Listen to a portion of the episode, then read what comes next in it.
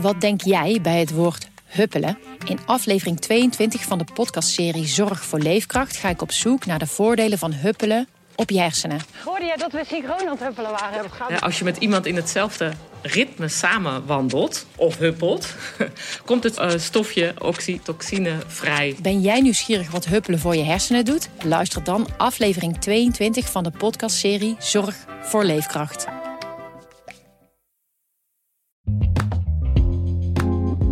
Carrière waar je gelukkig van wordt, gaat niet alleen om zoveel mogelijk uren draaien of steeds hoger opkomen. We zijn allemaal op zoek naar de balans tussen werk en privé.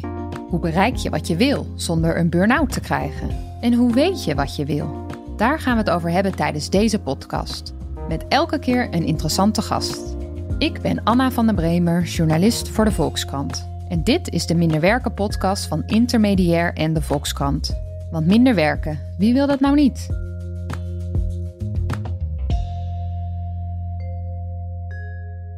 Ik heb direct uh, even een vraag aan jou. Ja. Uh, ben ik benieuwd naar. Vind jij jezelf een goed leider? Ik heb 15 jaar mogen ondernemen. Ik was een, uh, een jurist. Mijn vader was sportleraar uit Raalte. ik wens alles te doen. Eigenlijk liefst in sport. Ik ben Groningen gaan studeren, iets met rechten. Om daarna eigenlijk niet te weten wat ik met mijn leven aan moest. Als ondernemer, ik was 27, begon ik vanuit mijn woonkamer in Utrecht ik heb honderden mensen in eigen lonisch gehad. Ik heb eigenlijk alles verkeerd gedaan. Vanuit die rol als ondernemer, als leidinggevende, ben ik opnieuw gaan studeren. Om daarna te zien in welke fase van bekwaamheid ik zat. Bij tijd en wijlen. En hoe vaak ik dingen wel niet verkeerd heb gedaan. Ik was bezig op een gegeven moment met micromanagement. Ja. Dus ik was zo mijn angsten om de controle te houden, te beteugelen. Dat ik van mijn consultants op die vestigingen in Amsterdam, in Rotterdam, Utrecht. van hun lijstjes wenste te ontvangen. Wat hadden ze gedaan? Waar waren ze geweest? Met wie hadden ze gesproken? Wie hadden ze wie waar voorgesteld? Et cetera, et cetera. Ja, vanuit het idee dat je bang was, doet iedereen wel genoeg? Gaat het wel de goede kant uit? Zodra de omgeving turbulenter wordt, nemen onze angst en onzekerheden toe. En vanuit onze angst en onzekerheden hebben we meer behoefte aan controle. Maar als je professionals meer gaat controleren, gaat hun werkmotivatie omlaag. Ja. En daarmee krijg je minder resultaten en daarmee nog meer turbulentie. En dan is de cirkel rond. Er zijn ook bedrijven die geloven dat er inderdaad niet één iemand de leider hoeft te zijn. Dat zijn bedrijven die uh, holacratisch georganiseerd zijn of zelforganisatie.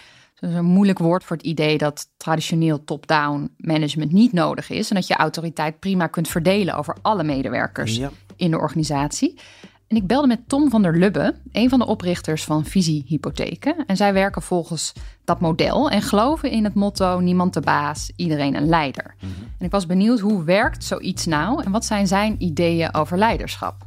Daar gaan we even naar luisteren.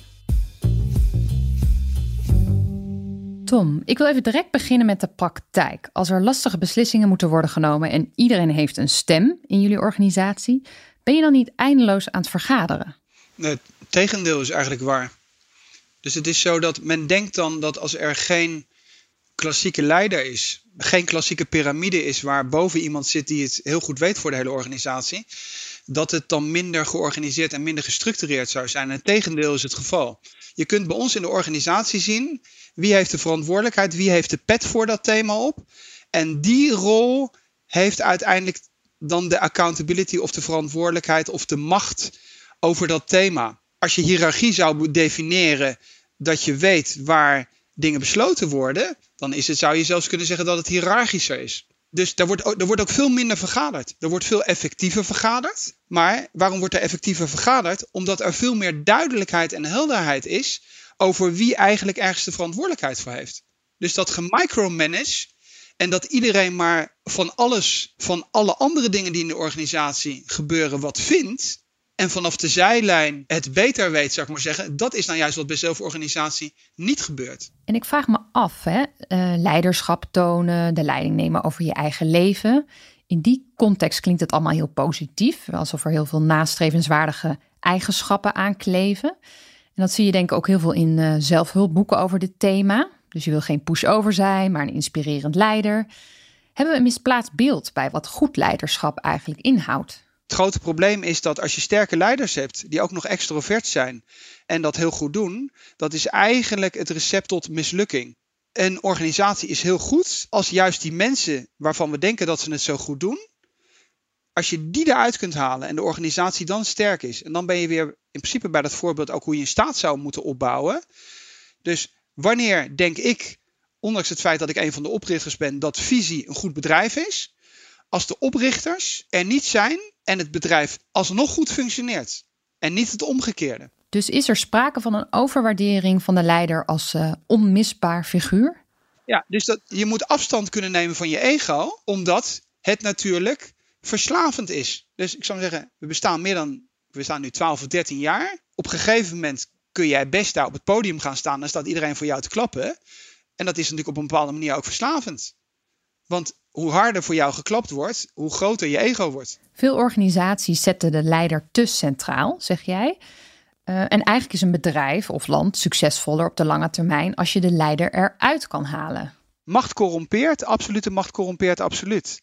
Dat is het oude principe. Dat geldt voor ondernemingen net zo. Dus je moet je realiseren dat als jij denkt dat, ik zou zeggen, visie is succesvol, we hebben een miljard gefinancierd. Op het moment dat wij denken dat we als bedrijf succesvol zijn omdat wij veel intelligenter zijn dan anderen, dan is het al fout gegaan. Dus bescheidenheid siert de mens, ook bij managers. En dat is het grote probleem wat we in principe hebben. Neem bijvoorbeeld Trump.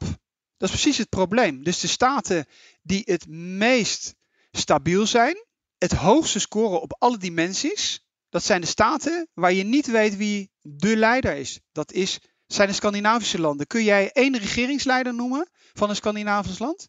Zwitserland heeft rolerend leiderschap binnen de regering. Elk jaar is iemand anders de premier. Dus waarschijnlijk is het ook gewoon een volledige zelfoverschatting. Dat jij in zo'n groeiende organisatie daadwerkelijk denkt dat jij van al die thema's veel meer verstand hebt dan jouw mensen. Nou, als jij denkt dat jij met grote afstand de meest briljante persoon bent die daadwerkelijk op de werkvloer het beter weet dan al zijn mensen, nou ja, dan, ja, dan moet je daar gerust mee doorgaan. Alleen misschien meet een keer op basis van je fluctuatie of ook je tevredenheid. Onze audit staat online. Onderling vertrouwen, 100% tussen onze mensen. Is waar ik het meeste trots op ben.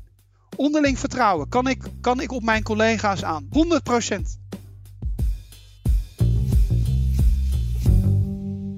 Ja, we hoorden net uh, Tom van der Lubbe over hoe zij het aanpakken binnen visie. Hij zegt eigenlijk sterke leiders worden overschat. Uh, sterker nog, je hebt ze eigenlijk helemaal niet nodig. Of nou ja, beter op de achtergrond. Ben jij, ben jij het daarmee eens? Uh, meestal. Dus er zitten hele goede elementen in dit verhaal. Ja. Het draait allemaal om ruimte. Maar er zijn momenten, en daarom werkt het niet altijd goed. Anders was het ook een heel simpel format geweest wat we allemaal hadden toegepast. Hij eindigde met het, uh, met het thema vertrouwen, onderling vertrouwen. Ja, en daar ontstaat direct het grote probleem. Zelfsturende teams bestaan niet. Uiteindelijk is er altijd een leidinggevende nodig in tijden dat het niet functioneert. En wanneer functioneert het niet als de veiligheid in het geding is.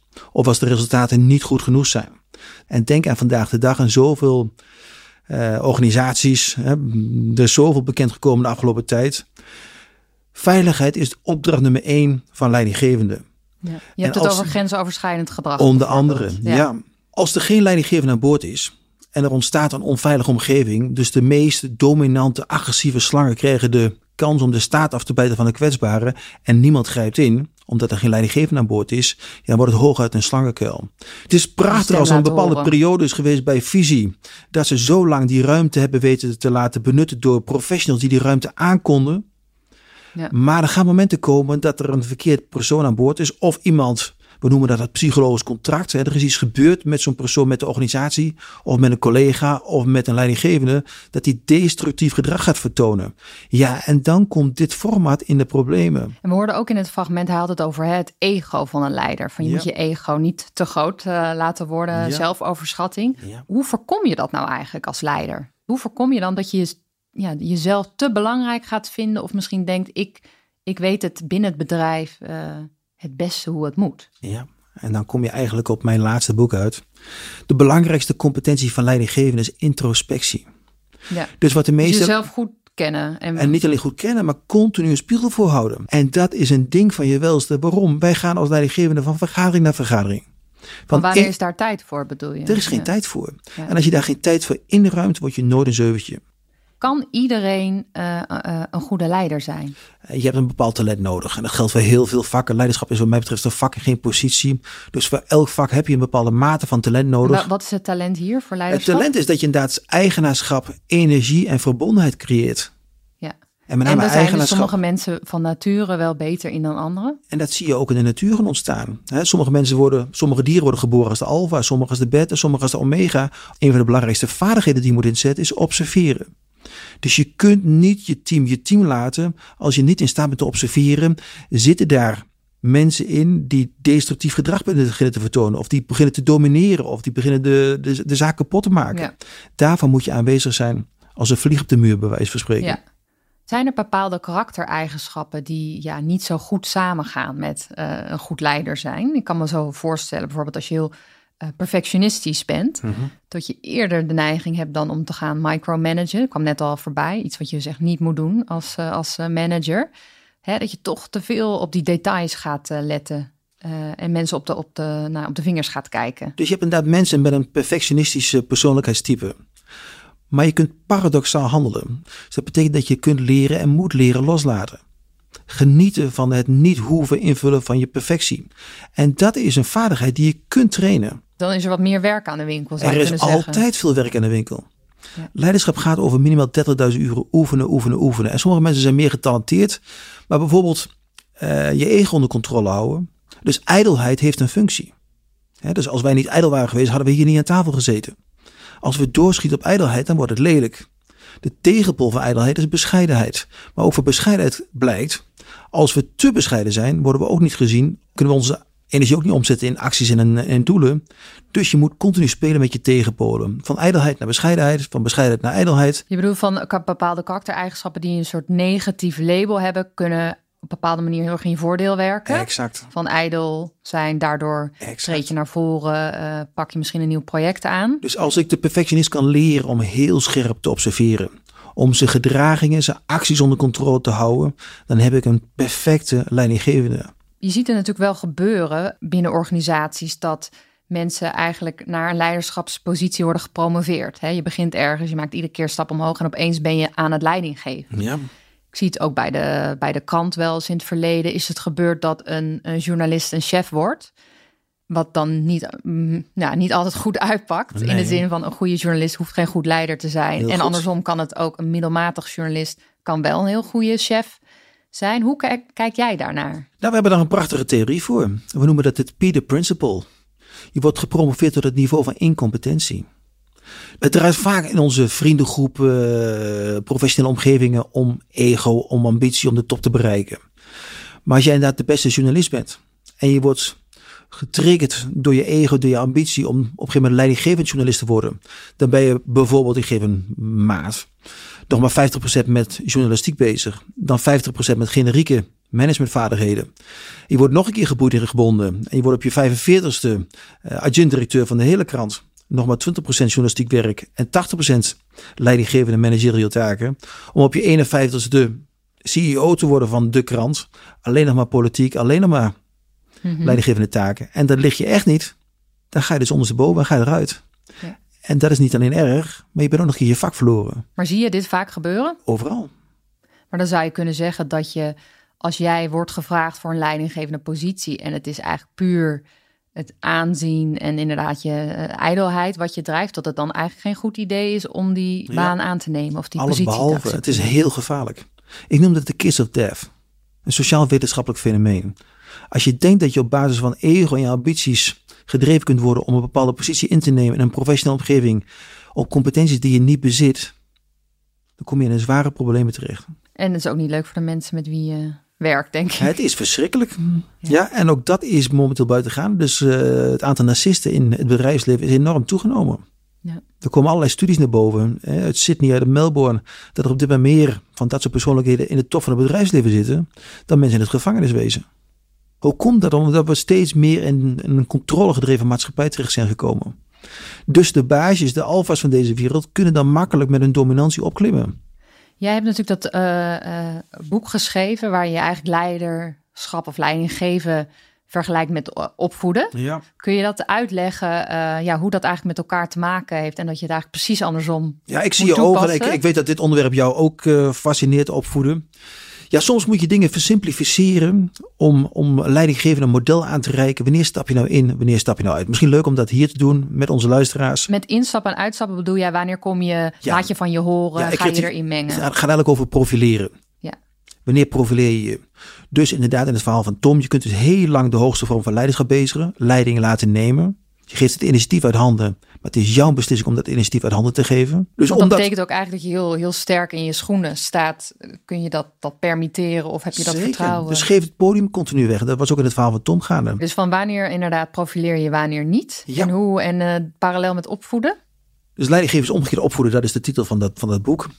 Dus ik vraag dan deelnemers, misschien leuk om dat hier ook met jou te doen. Wie heeft er kinderen van 5, 6 jaar oud? En ik weet dat jij kinderen hebt in die leeftijd.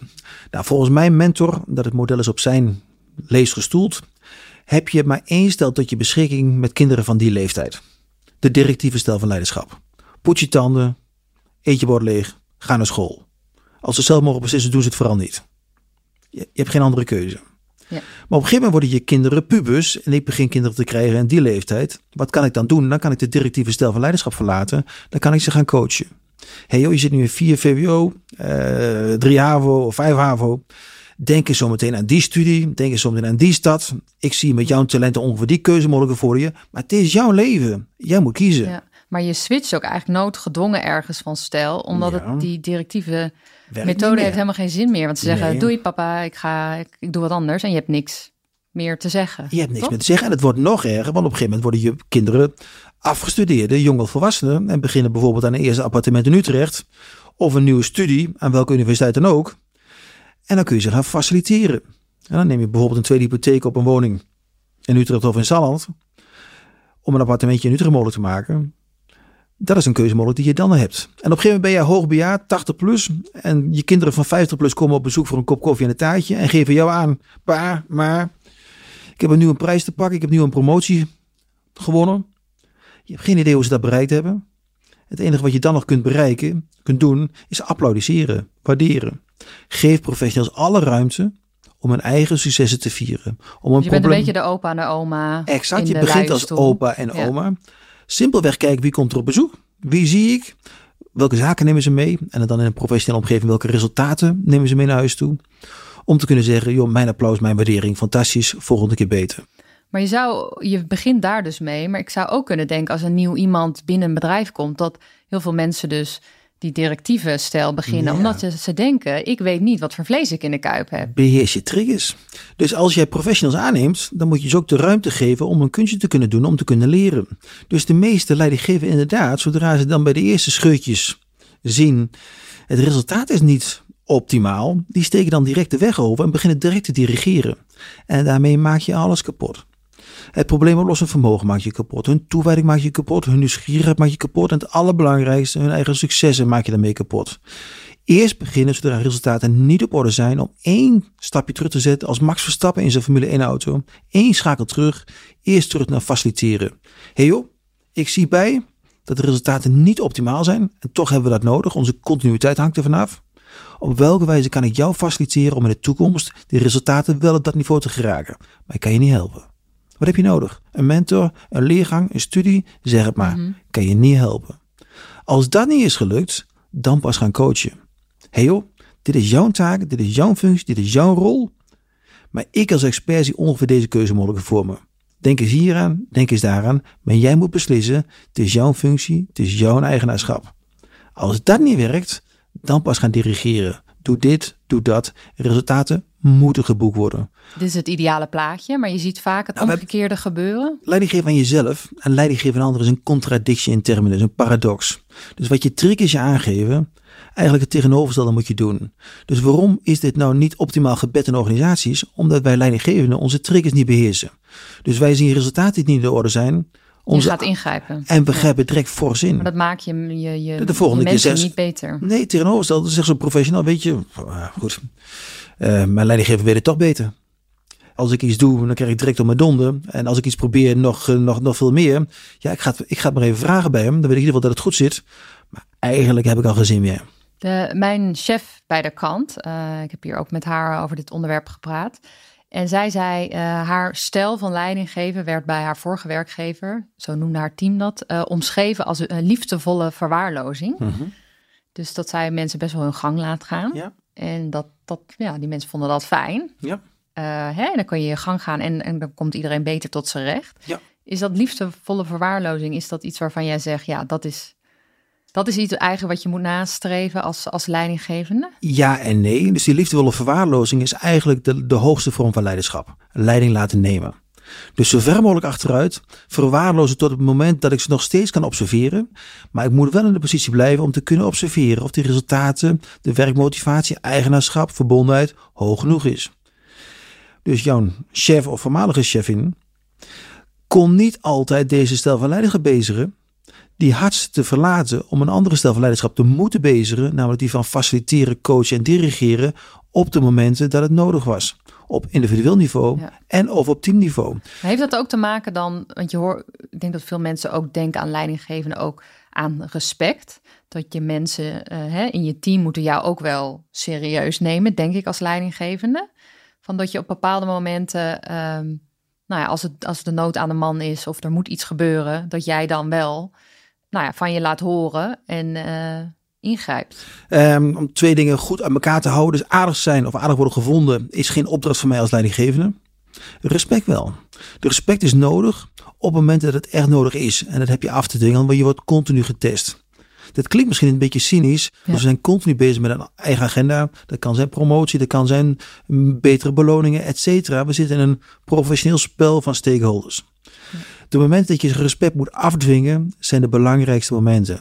Je kunt in 30 seconden je regie verliezen, je respect verliezen en je respect winnen. En, en noem eens een moment waarin Ja. je hem kan verliezen of juist Nou, kan dat heeft te winnen. maken met het belangrijkste thema, dat is veiligheid. Dus als er een moment is dat een van je teamleden iets doet wat absoluut niet door de beugel kan, dan heb je te confronteren aan groep. Iedereen moet kunnen zien, dit kan niet, dit mag niet, mijn veiligheid is hier geborgen, er is hier geen plaats voor dat gedrag. Maar de meeste leidinggevenden stappen uit. Die staan als bevroren, laten de zaak lopen Omdat ze niet durven op dat moment? ze durven niet te confronteren. En als je dat niet kunt of niet voorbereid hebt en eigenlijk nog beter voor beleefd hebt, dan laat je dat moment verliezen en, en liggen. En dan heb je de slechtste vorm van leiderschap te pakken. Wat is dan de slechtste vorm van leiderschap?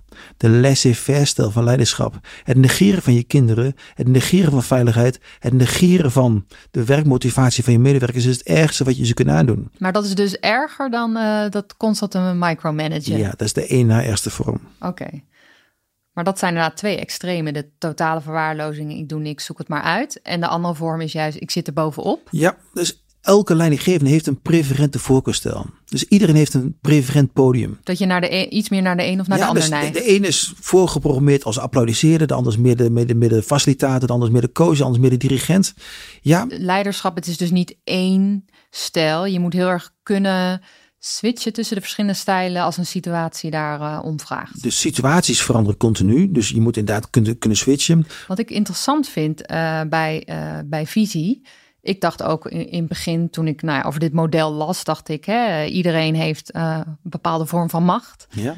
Lijkt me ook best wel veel gedoe opleveren. Maar omdat het hun model van het holacratie is eigenlijk heel erg schools.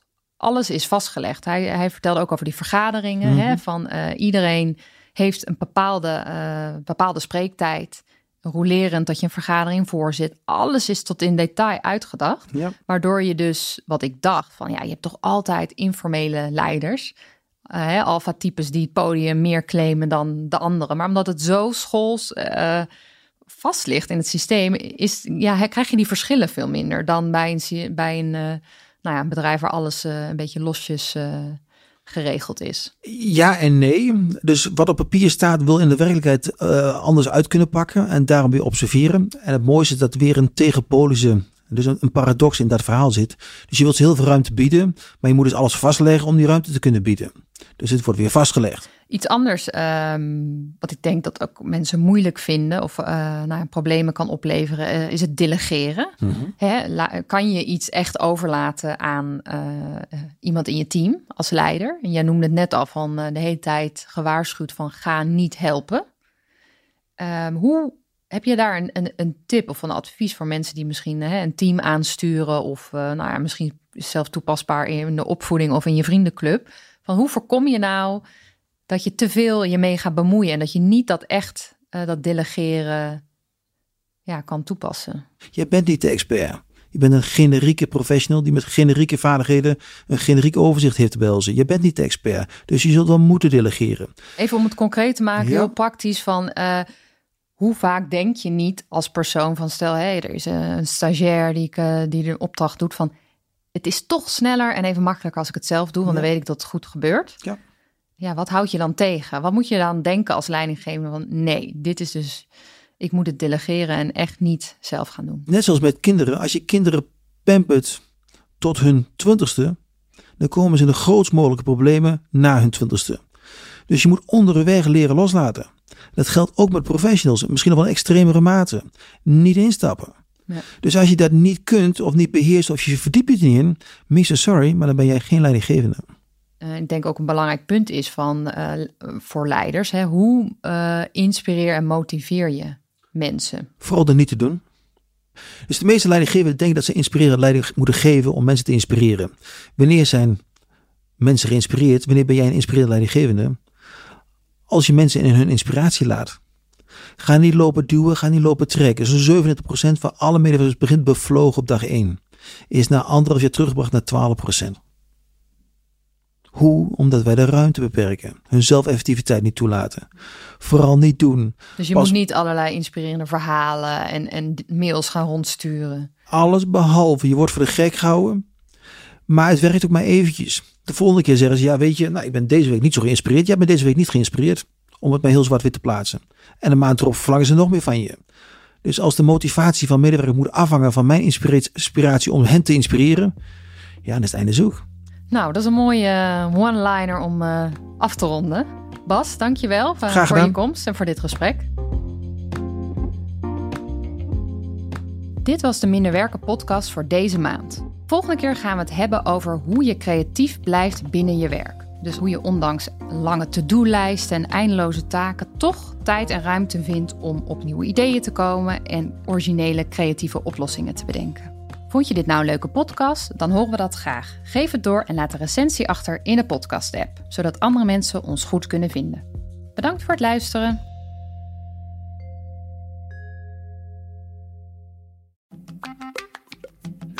Wat denk jij bij het woord huppelen? In aflevering 22 van de podcastserie Zorg voor Leefkracht ga ik op zoek naar de voordelen van huppelen op je hersenen. Hoorde jij dat we synchroon aan het huppelen waren? Ja, als je met iemand in hetzelfde ritme samen wandelt of huppelt, komt het uh, stofje oxytocine vrij. Ben jij nieuwsgierig wat huppelen voor je hersenen doet? Luister dan aflevering 22 van de podcastserie Zorg voor Leefkracht.